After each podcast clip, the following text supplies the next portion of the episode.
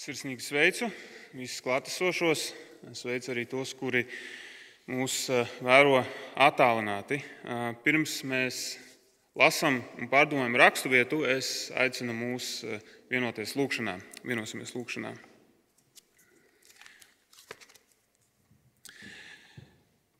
Kungs, mēs nākam tavā priekšā un vēlamies izteikt šo lūgšanu, kas ir 119. psalmā. Tur ir teikts, melus ņem prom no manis, lai tava bauslība mani žēlo. Tiešām, Tēvs, mēs esam radīti, lai dzīvotu patiesībā, lai patiesība mūs pārveidotu un mainītu. Un tādēļ mēs lūdzam, lai šajā svētdienā mēli būtu tālu prom no mūsu sirdīm un prātiem, un tā vietā lūdzu iedēsti Kristus patiesību dziļi sirdī mūsos, apžēlo mūs ar tavu vārdu, jo tavs ir, vārds ir žēlastība, mīlestība un patiesība. Jēzus vārdā to lūdzam. Amen. Šajā svētdienā mēs eh, lasīsim no Jāņa 3. vēstules, tāpēc atradīsim to Bībelē, Jāņa 3. vēstuli. Um, ir kāds mazs eh, Ieteikums, kā to atrast, ir pavisam vienkārši. Tas ir uz Bībeles beigām Jāņa 3. vēstule. Mūsu Bībelēs pat nav, pat nav lapas puses, jā, tad 1249. lapas puses ticu, ka tā ir Jāņa 3. vēstule. Pēc viņas ir jūdas vēstule, un tad jau ir atklāsmes grāmata. Nu, lūk, esam atraduši, esam arī gatavi lasīt Jāņa 3. vēstuli. Es, presbiteris, rakstu mīļotajam gājam, ko mīlu patiesībā. Mīļotais, es tev novēlu, lai tev visnotaļ labi klājas un ir laba veselība, kā tas jau ir tavai dvēselē. Es ļoti priecājos, kad ieradās tavi brāļi un liecināja par to patiesību, kurā tu jau dzīvo. Man nav lielāka prieka, kā dzirdēt, ka mani bērni dzīvo patiesībā. Mīļotais, tu esi tik uzticams visā pret saviem brāļiem, pat ja tie tev ir sveši. Viņi par tavu mīlestību liecināja draugu priekšā, un tu darīsi labu, ja tālākajam ceļam tos sagatavos Dievu cienīgi. Viņi taču izgāja kunga dēļ, neko neņemdam no pagāniem. Tādus mums vajag uzņemt, lai mēs kļūstam par patiesības līdzstrādniekiem. Es kādu vārdu uzrakstīju arī draudzēji, bet Diotrefs, kas uzmeties viņiem par vadoni, mūs nepieņem. Tādēļ, kad es ieradīšos, tad gan atgādināšu, ko viņš darīs Viņš mūs apmelo ļauniem vārdiem un ar to vien neapmierinās. Viņš ne tikai pats brāļus neuzņem, bet traucē arī tos, kas grib viņus uzņemt un izdzen viņus no draudzes. Mīļotais, nesakos sliktam paraugam, bet labam. Tāds, kas dara labu, ir no dieva, tāds, kas dara ļaunu, nav redzējis dievu.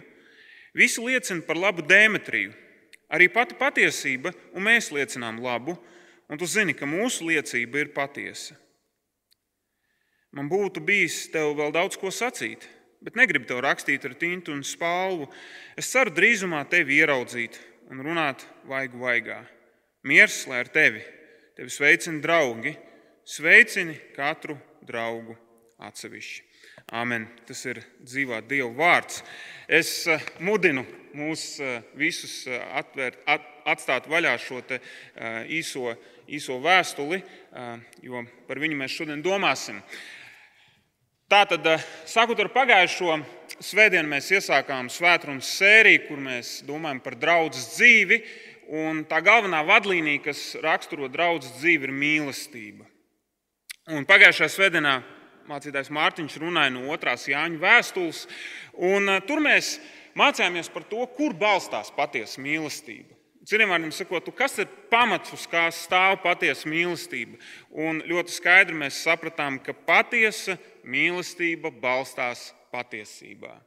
Tas vārds atkārtojas, bet man liekas, tas ir labi. Patiesa mīlestība balstās patiesībā.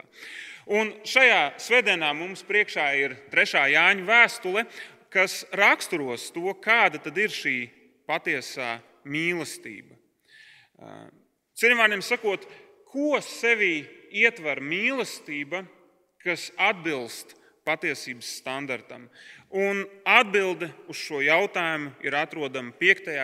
līdz 6. pantā šajā vēstulē. Tāpēc vēlreiz ieskatīsimies, un es nolasīšu. Mīļotais, tu esi tik uzticams visā pret saviem brāļiem, pat ja tie tev ir sveši. Viņi par tavu mīlestību liecināja draugu priekšā. Patiesa mīlestība ietver sevī kalpošanu svešiniekam.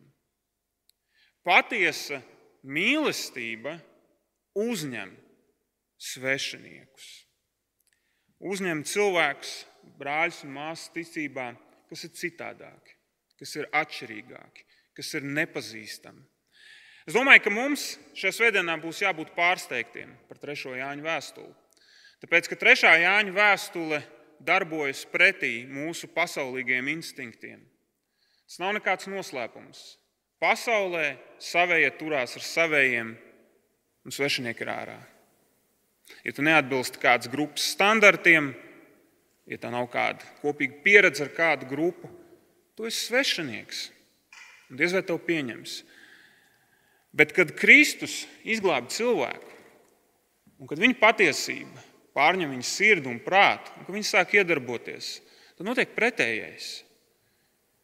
Cilvēks uzņem svešinieku, mīl to, kurš ir citādāks un atšķirīgs.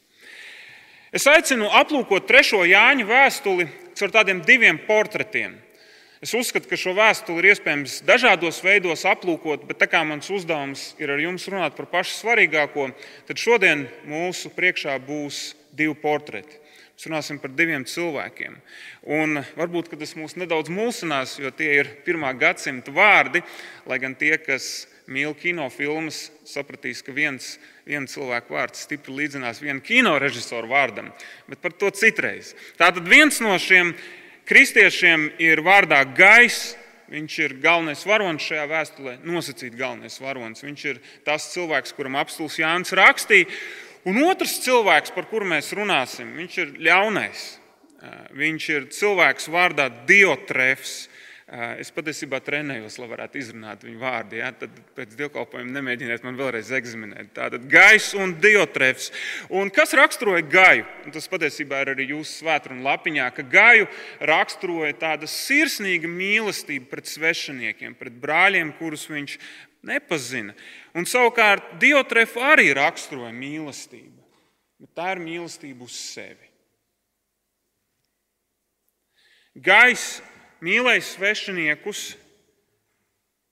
kurus sludināja patiesību. Savukārt Diotrefs tik ļoti mīlēja sevi, ka viņš stājās pretī Gajam un patiesībā pašam Dievam un patiesības izplatīšanas darbam. Šajā nedēļā man acīs iekrita kāds raksts TV netā. Es uzreiz pateikšu, es nelasu TV net ziņas, tā kā varat man neko nepārmest. TV netā bija kāds virsraksts, un tur bija kāds teksts, ko izteicis viens no mūsu uh, hokeja izlases spēlētājiem. Un arī tur jums būs jāpiedod, es neatceros viņu vārdu, bet svarīgi tas, ko viņš teica. Mazs citāts. Tu noliec to ego malā un pakārto visu vienai komandai, vienai valstī.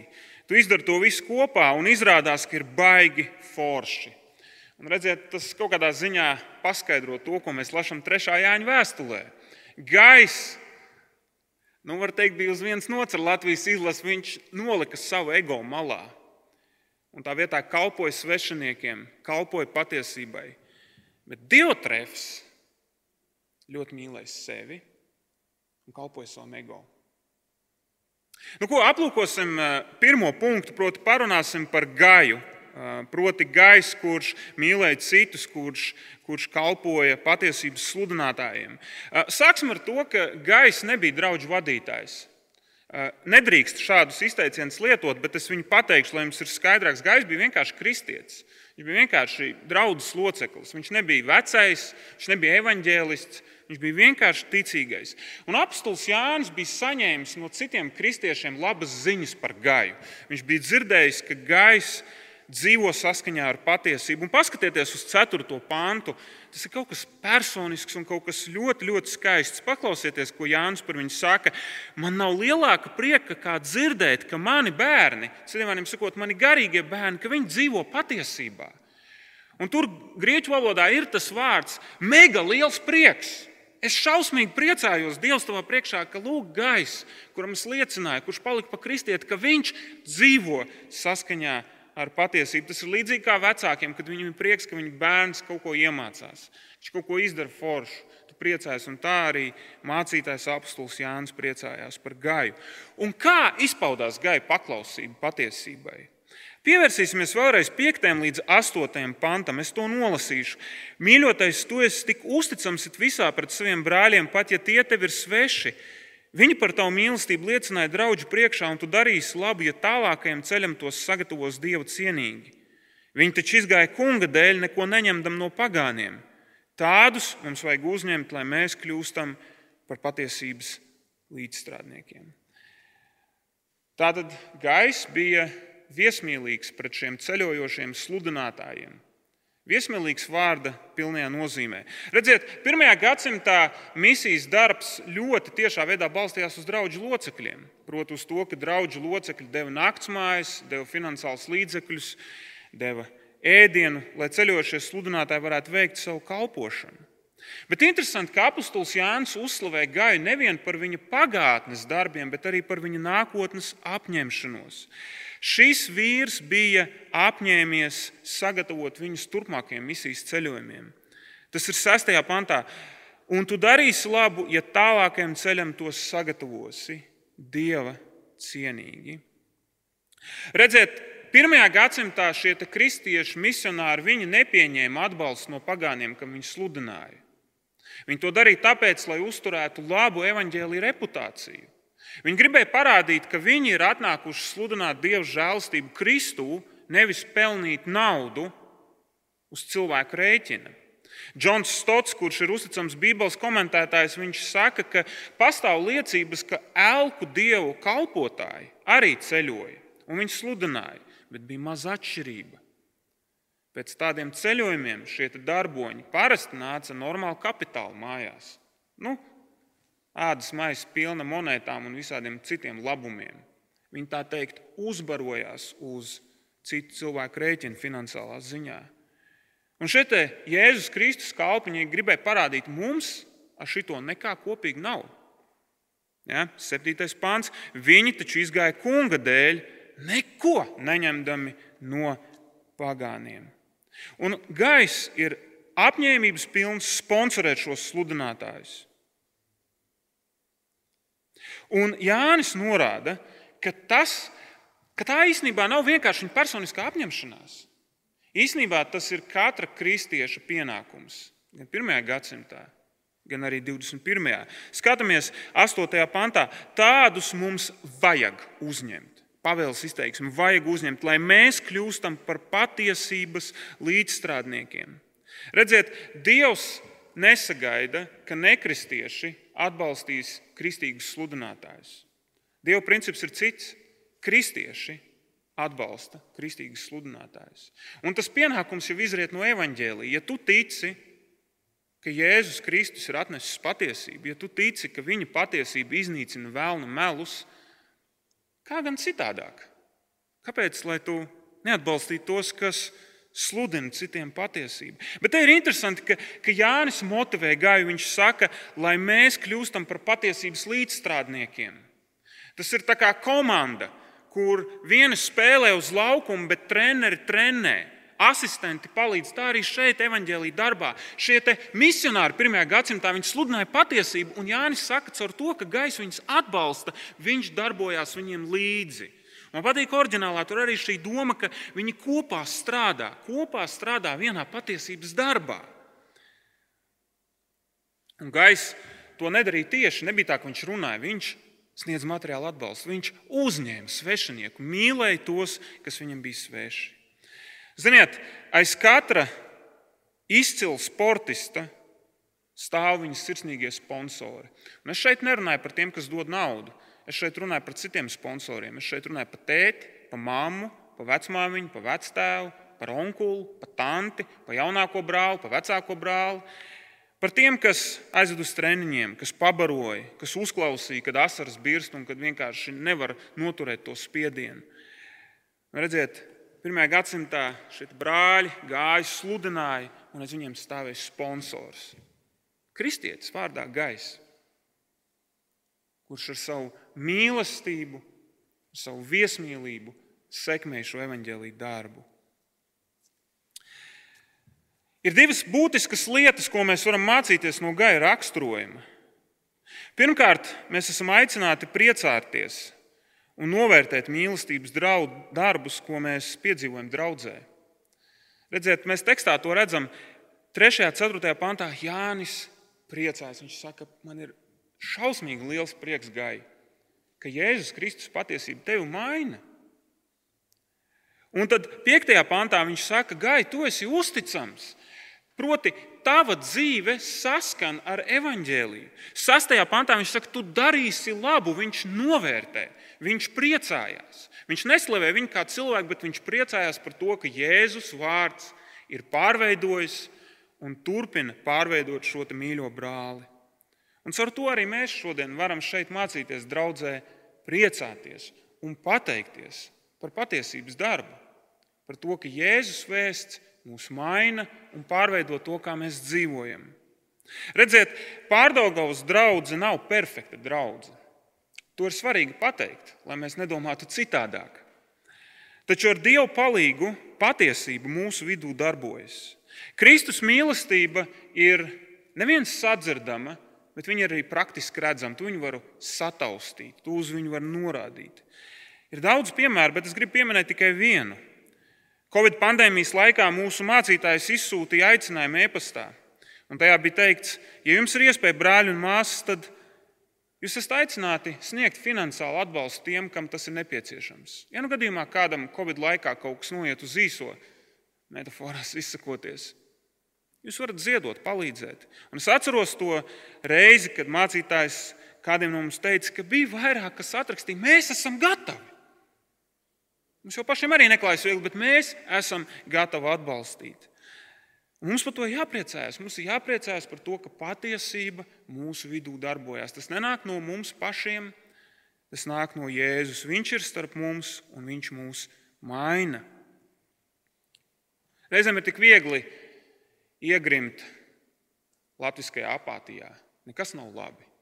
Valdība slikta, ceļi slikti, draudzene vidēji. Bet trešā Jāņa vēstule, apstults Jānis, viņš saka, gai, man ir prieks. Pārdagos draugs.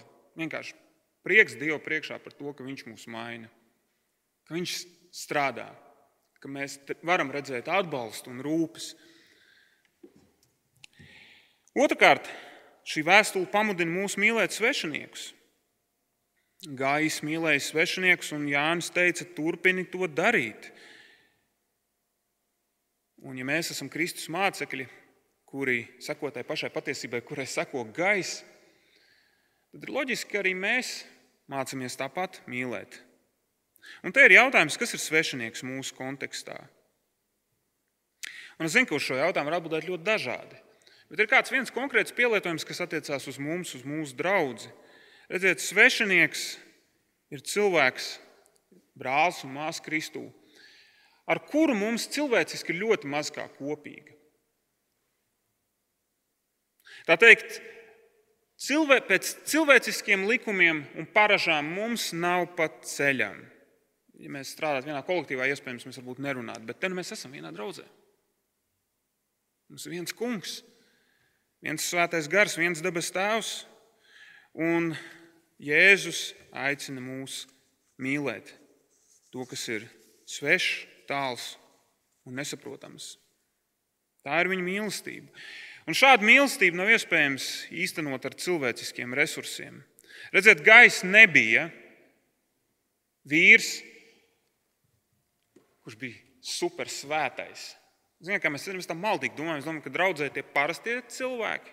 Nu, tā teikt, tauta, vai ne? Tad ir mācītājs, kurš ir krūts, jebkurā gadījumā pat viņš to nesaka. Un tad ir ķipa tie, kas ir nu, baigi uzkačājušies garīgi.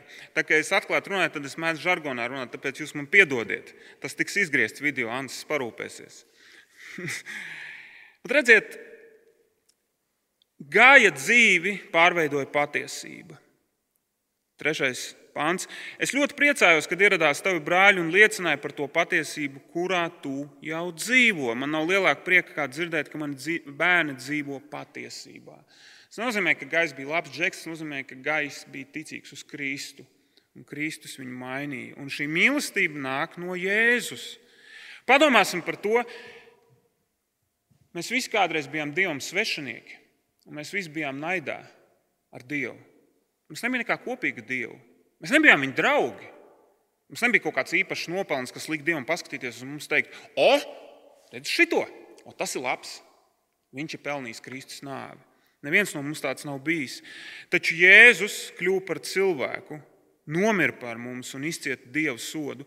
Kad Jēzus nomira pie krusta, tad viņš kļuva Dievam par lielu svešinieku un ienaidnieku. Lai mēs caur viņa krusta asinīm kļūtu par Dieva bērniem, būtu tuvi un nekad netiktu atraidīti.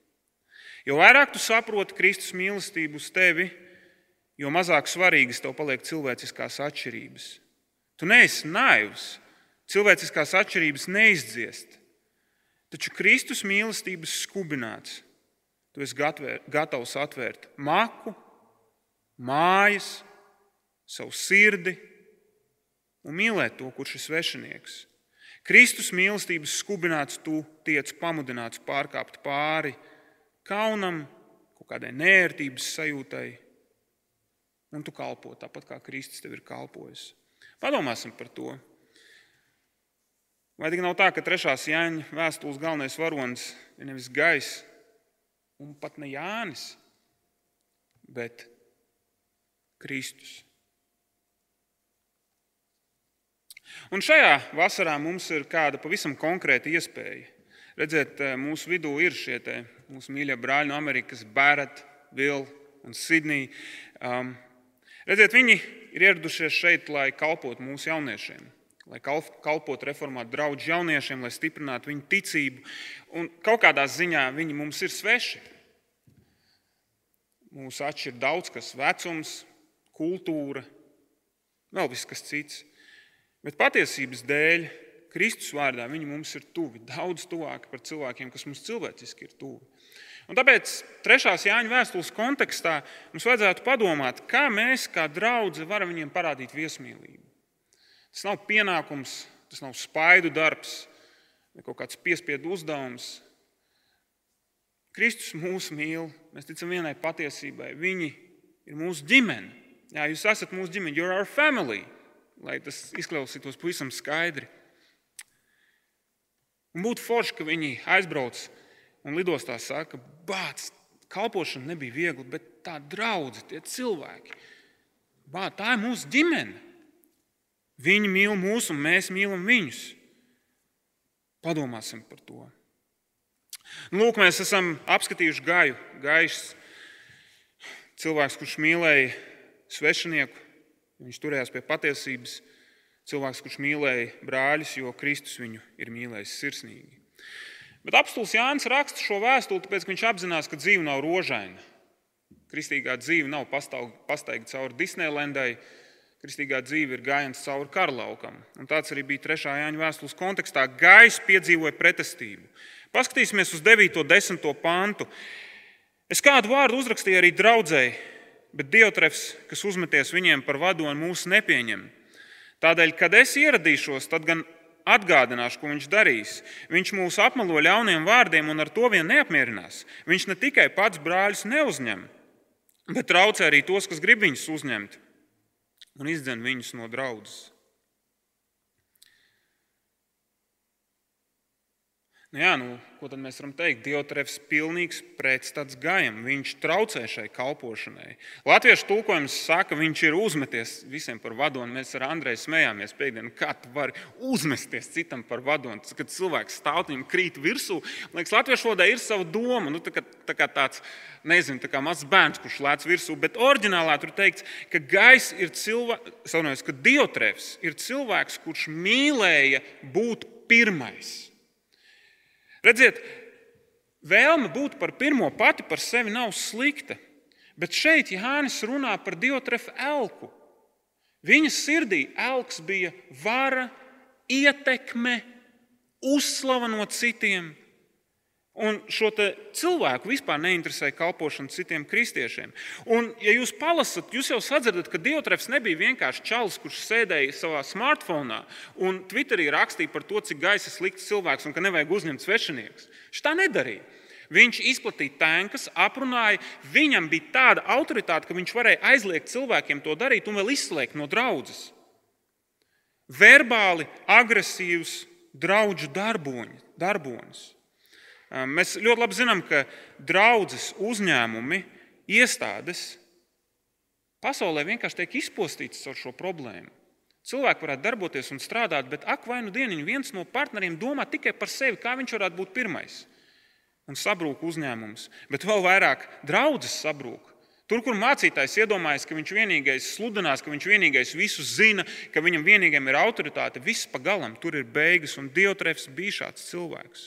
Un redziet, šajā kontekstā Jānis saka Gajam, draugs, lūdzu, seko labiem piemēriem. 11. un 12. pāns. Mīļotais, nesako sliktam paraugam, bet labam. Tāds, kas dara labu, ir no dieva, tāds, kas dara ļaunu, nav redzējis dievu. Visi liecina labu par Demetriju. Arī pati patiesību mēs liecinām labu, un tu zini, ka mūsu liecība ir patiesa. Apstults Jānis šeit saka, lūk, Demetrijs. Mēs par viņu neko daudz nezinām, bet mēs varam noprast, ka viņš bija sakarīgs kristietis, kurš savā dzīvē iemiesoja tās pašas kvalitātes, kuras gaisa. Viņš ticēja patiesībai un pašaizliedzīgi mīlēja brāļus un māsas. Viņš finansiāli nodevās tam, lai patiesības sludinātāji tiktu atbalstīti. Un redziet, Jānis izsaka šo pamudinājumu. Jo viņš zina, cik grūti ir kalpot patiesībai, kad tev blakus ir diotrefs. Tu mīli brāļus, un tur ir tas kretīns, kurš citiem saka, tā nevajag darīt. Un viņš citus vēl slēdz ārā no draudzes. Jānis zina, ka gaisa ir grēcinieks. Viņam vajag iedrošinājumu. Vecīt, viss kārtībā. Tu dari īsto lietu. Turpini cīnīties, turpini mīlēt brāļus. Bet kas vēl varētu būt, kad gaisa bija grēcinieks? Un varbūt ka kaut kādā brīdī viņš skatījās uz Dievtrefu un varēja iedomāties, hmm, viņam taču ir autoritāte draudzē. Kāpēc es nevarētu darīt tāpat? Ja tu iedomājies, ka tu kādreiz nevarētu darīt tā, kā dara kāds ļaundaris, tad tu kļūdies. Tas sliktais, kas notiek citos, tikpat labi arī var notikt tevī. To ir baigi svarīgi atcerēties. Un lūk, Jānis mudina sekot labiem piemēriem. Un paskatieties, 11. pantā ir pamatojums. Tāds, kas dara labu, ir no dieva, tāds, kas dara ļaunu, nav redzējis dievu. Cilvēka rīcība parāda to, kādas ir viņa attiecības ar Dievu. Ja kāda dzīve kopumā, un tagad klausāmies uzmanīgi, kopumā, nevis atsevišķas epizodes, bet kopumā, raksturo lielu mīlestību uz sevi, tad visticamāk šis cilvēks nav kristietis. Ja kāda dzīves kopējais gājums ir tas, ka viņš ļoti mīl sevi un vienmēr grib būt pirmais un vienmēr visam jābūt par viņu, tad visticamāk šis cilvēks nav kristietis. Ja Jēzus ir izglābis cilvēku, tad viņa svētais gars radīs mīlestības, viesmīlības, pazemības, pašaizliedzīgas kalpošanas augļus. Patiesība nes augļus, tā pārveido. Cilvēks nav pilnīgs, bet patiesība pārveido. Mūsdienu pasaule ir apsēsta ar sekošanu dažādiem piemēriem. Pietiek atvērt YouTube, nospiest funkciju YouTube Shorts, un tur ir dažādi cilvēki, kuri ar savu darbošanos ir kā piemēri. Vai tie būtu sportisti, vai tie būtu bijušie armijnieki, vai tie būtu uzņēmēji, vai tie būtu zinātnieki, vai tie būtu skaistuma sfēras pārstāvji, vai tie būtu aktieri vai aktrises. Viņi visi kaut ko māca, un cilvēki tam seko. Un, ko es gribu teikt, ka pats par sevi tas nav nekas slikts. Ir kādas labas lietas, ko mēs varam pārņemt. Bet mums ir jāatcerās viena lieta, ka pasaule seko piemēriem, kas pēc būtības ir vērsti uz sevi. Pasaule seko piemēriem, kas ir, balsti, kas ir vērsti uz savu valstību. Mans progress, mana izdošanās, mani panākumi, mana veselība, mans skaistums, lai arī ko tu noliktu pašā aizmugurē, sākumā vienmēr nāk mans, mans, mans un vēlreiz mans. Tas viss ir par cilvēku un par viņu valstību. Bet redziet, kristieši Mēs esam aicināti caur 3. Jāņa vēstuli sekot piemēriem, kas ir vērsti uz Dieva valstību. Un praktiski tas izskatās tā, ka cilvēki ir vērsti uz citu labumu, uz citu kristiešu izaugsmu, uz patiesības pasludināšanu, uz viesmīlību pret citiem ticīgajiem. Un mums ir jāsaprot to, ka šāds piemērs nebūs nekas iekārojams cilvēku acīs. Tā būs niecība. Tā būs bezmaz vai tā kā tukšība, ko pat nav vērts pieminēt. Nu, piemēram, kāda bērnu dārza skolotāja, kura velta ļoti lielu daļu no sava brīvā laika, lai varētu sagatavoties svētdienas skolai. Viņa varētu aprūpēt dārzu, lai padarītu bišķi kaut ko sev, bet tajā sestdienā tās 4-5 stundas no pusdienas sešiem viņa ir augšā un viņa gatavojās pašaizliedzīgi, jo viņa ļoti mīl tos bērnus. Un šādi piemēri mūsu draudzē. Un tas ir reāls piemērs. Pasaule par to teiks, whatever. kas tur īpaši. Un Dievs par to saka, lūk, tas ir īstais, kam sekot. Lūk, tur mana mīlestība parādās. Vai iedomājieties kādu brāli uzņēmēju? Viņš divreiz nedēļā savā telefonā ir uzlicis atgādinājumu. Viņš pusdienu laikā vienkārši atrod tukšu stūri un 20 minūtes viņš lūdz par savu mācītāju. Viņš zina, ka sagatavot svētdienu ir ļoti grūti, Viņš zina, to, ka ir vajadzīgs laiks, pacietības, svētā gara darbs, un viņš lūdz par savu mācītāju. Viņš pat nestāsta savam mācītājam to, lai gan viņam tas kādreiz būtu jāizdara. Viņš to nestāsta, viņš lūdz. Un Dievs saka, tas ir piemērs. Nevis tas džeks, kurš karājās uz stieņa un pievilkās 350 reizes, bet tas kungs, kurš tur oficiālā tumšajā stūrī salicis rokas, lūdz Jēzu par savu mācītāju. Ot, tas ir piemērs. Un mums ir svarīgi pamanīt, kur ir tā atšķirība. Es ilgi minkstinājos par šo, vai man to vajadzētu teikt, bet ņemot vērā, ka šis vīrs ir tik populārs, es gribu par viņu runāt trešās Jāņa vēstules kontekstā. Daudz kristiešu mūsdienās ir aizrāvušies ar doktoru Jordanu Petersonu. Vienkārši, lai neviens šeit man nesāk kritizēt, es pats esmu izlasījis viņa labāko grāmatu. Es uzskatu, ka doktors Jordans Petersons ir inteliģents cilvēks. Es piekrītu vairākām no viņa lietām. Bet mums, ticīgajiem, ir jābūt ļoti uzmanīgiem ar Jordanu Petersonu. Jo fundamentāli viņa skatījums ir pret Kristu. Un līdz paskaidrošu, kādā veidā. Kāda teoloģijas doktora Danija Treveka no um, Austrālijas, viņa uzticamā mājaslapā The Gospel Coalition, viņa atspoguļoja savu izvērtējumu par Jordanu Petersonu. Viņa bija uz šī vīra konferences, un viņa teica daudz labas lietas. Viņš runā ļoti labi, viņš ir sakarīgs, viņš ir dziļdomīgs. Bet tad viņa ļoti skaidri pateica, kur ir Jordana Petersona galvenā problēma. Un, ja tu esi kristietis, klausies ļoti uzmanīgi.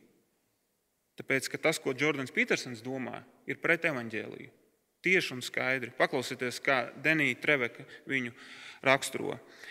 Petersons uzskata, ka citu cilvēku uzlabošana ir būtiska. Taču tam par iemeslu nav patiesas rūpes par citu labumu tikpat lielā mērā, kā mēs rūpējamies par savējo. Tā vietā iemesls ir cits. Ja mēs nepieliksim pūles, lai uzlabotu citus, tad viņi to pamanīs. Citiem vairs nebūs vēlmes būt kopā ar mums, un tas galu galā apdraudēs mūsu izaugsmi. Pītersonam mīlestība galu galā ir par kalpošanu sev. Mēs nemīlam tuvākos kā sevi pašu, mēs mīlam tuvākos sevis dēļ.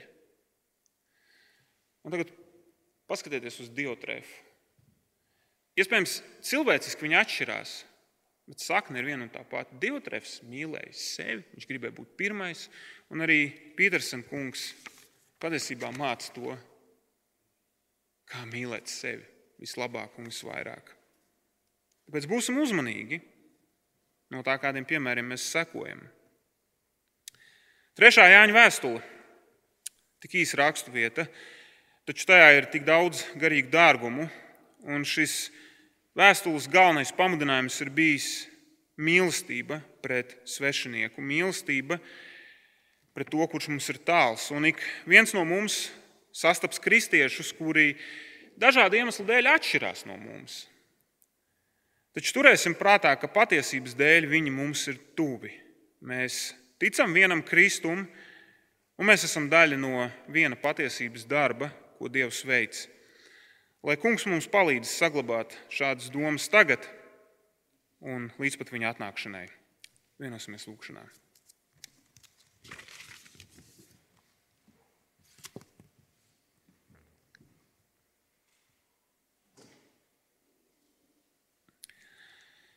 Dārgais debes Tēvs, mēs pateicamies Tev par Kunga Jēzus Kristus mīlestību.